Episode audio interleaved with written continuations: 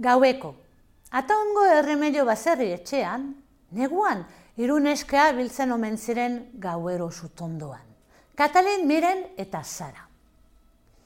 Eruten zuten bitartean, berrin parra eta ferrin farran, hitz eta pitz, aurra egiten zuten.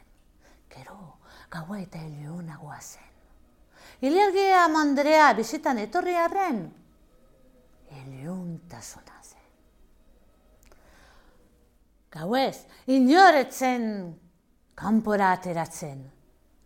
Heliuntasuna gaueko txenuaren errenua baitzen.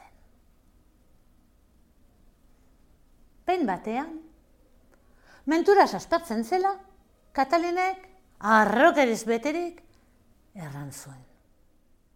Baietz etxeari hiru itzuli eginen ditu dela. miren eta zara, beldurturik, ez ez egiteko, gaueko erreinua zela, harrapatuko zela, desagertuko zela, ez ez ez ez eta. Hm. Katalinek, beldurretzela, erran zuen, eta aterantz, abiatu zen.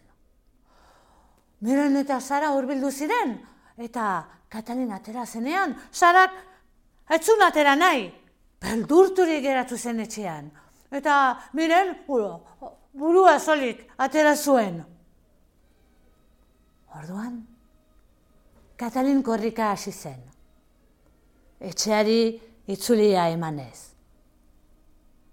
Beldurturik, mirenak atea burua atera zuen eta deika hasi zen. Katalin! Katalin! Katalin! Azkenean, Katalin heldu zen. Itzuri bat, bigarren hasi. Etzen, ezer antzuten, ez da ezer ikusten. Orduan, miren berriro, hasi zen, deka. Katalin! Katalin! Katalin!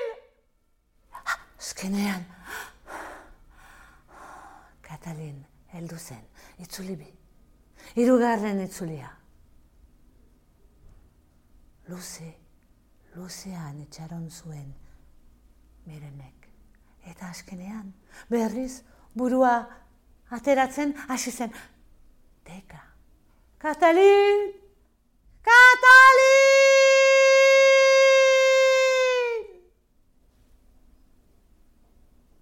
Inok, etzun erantzun. Katalin desagertu zen.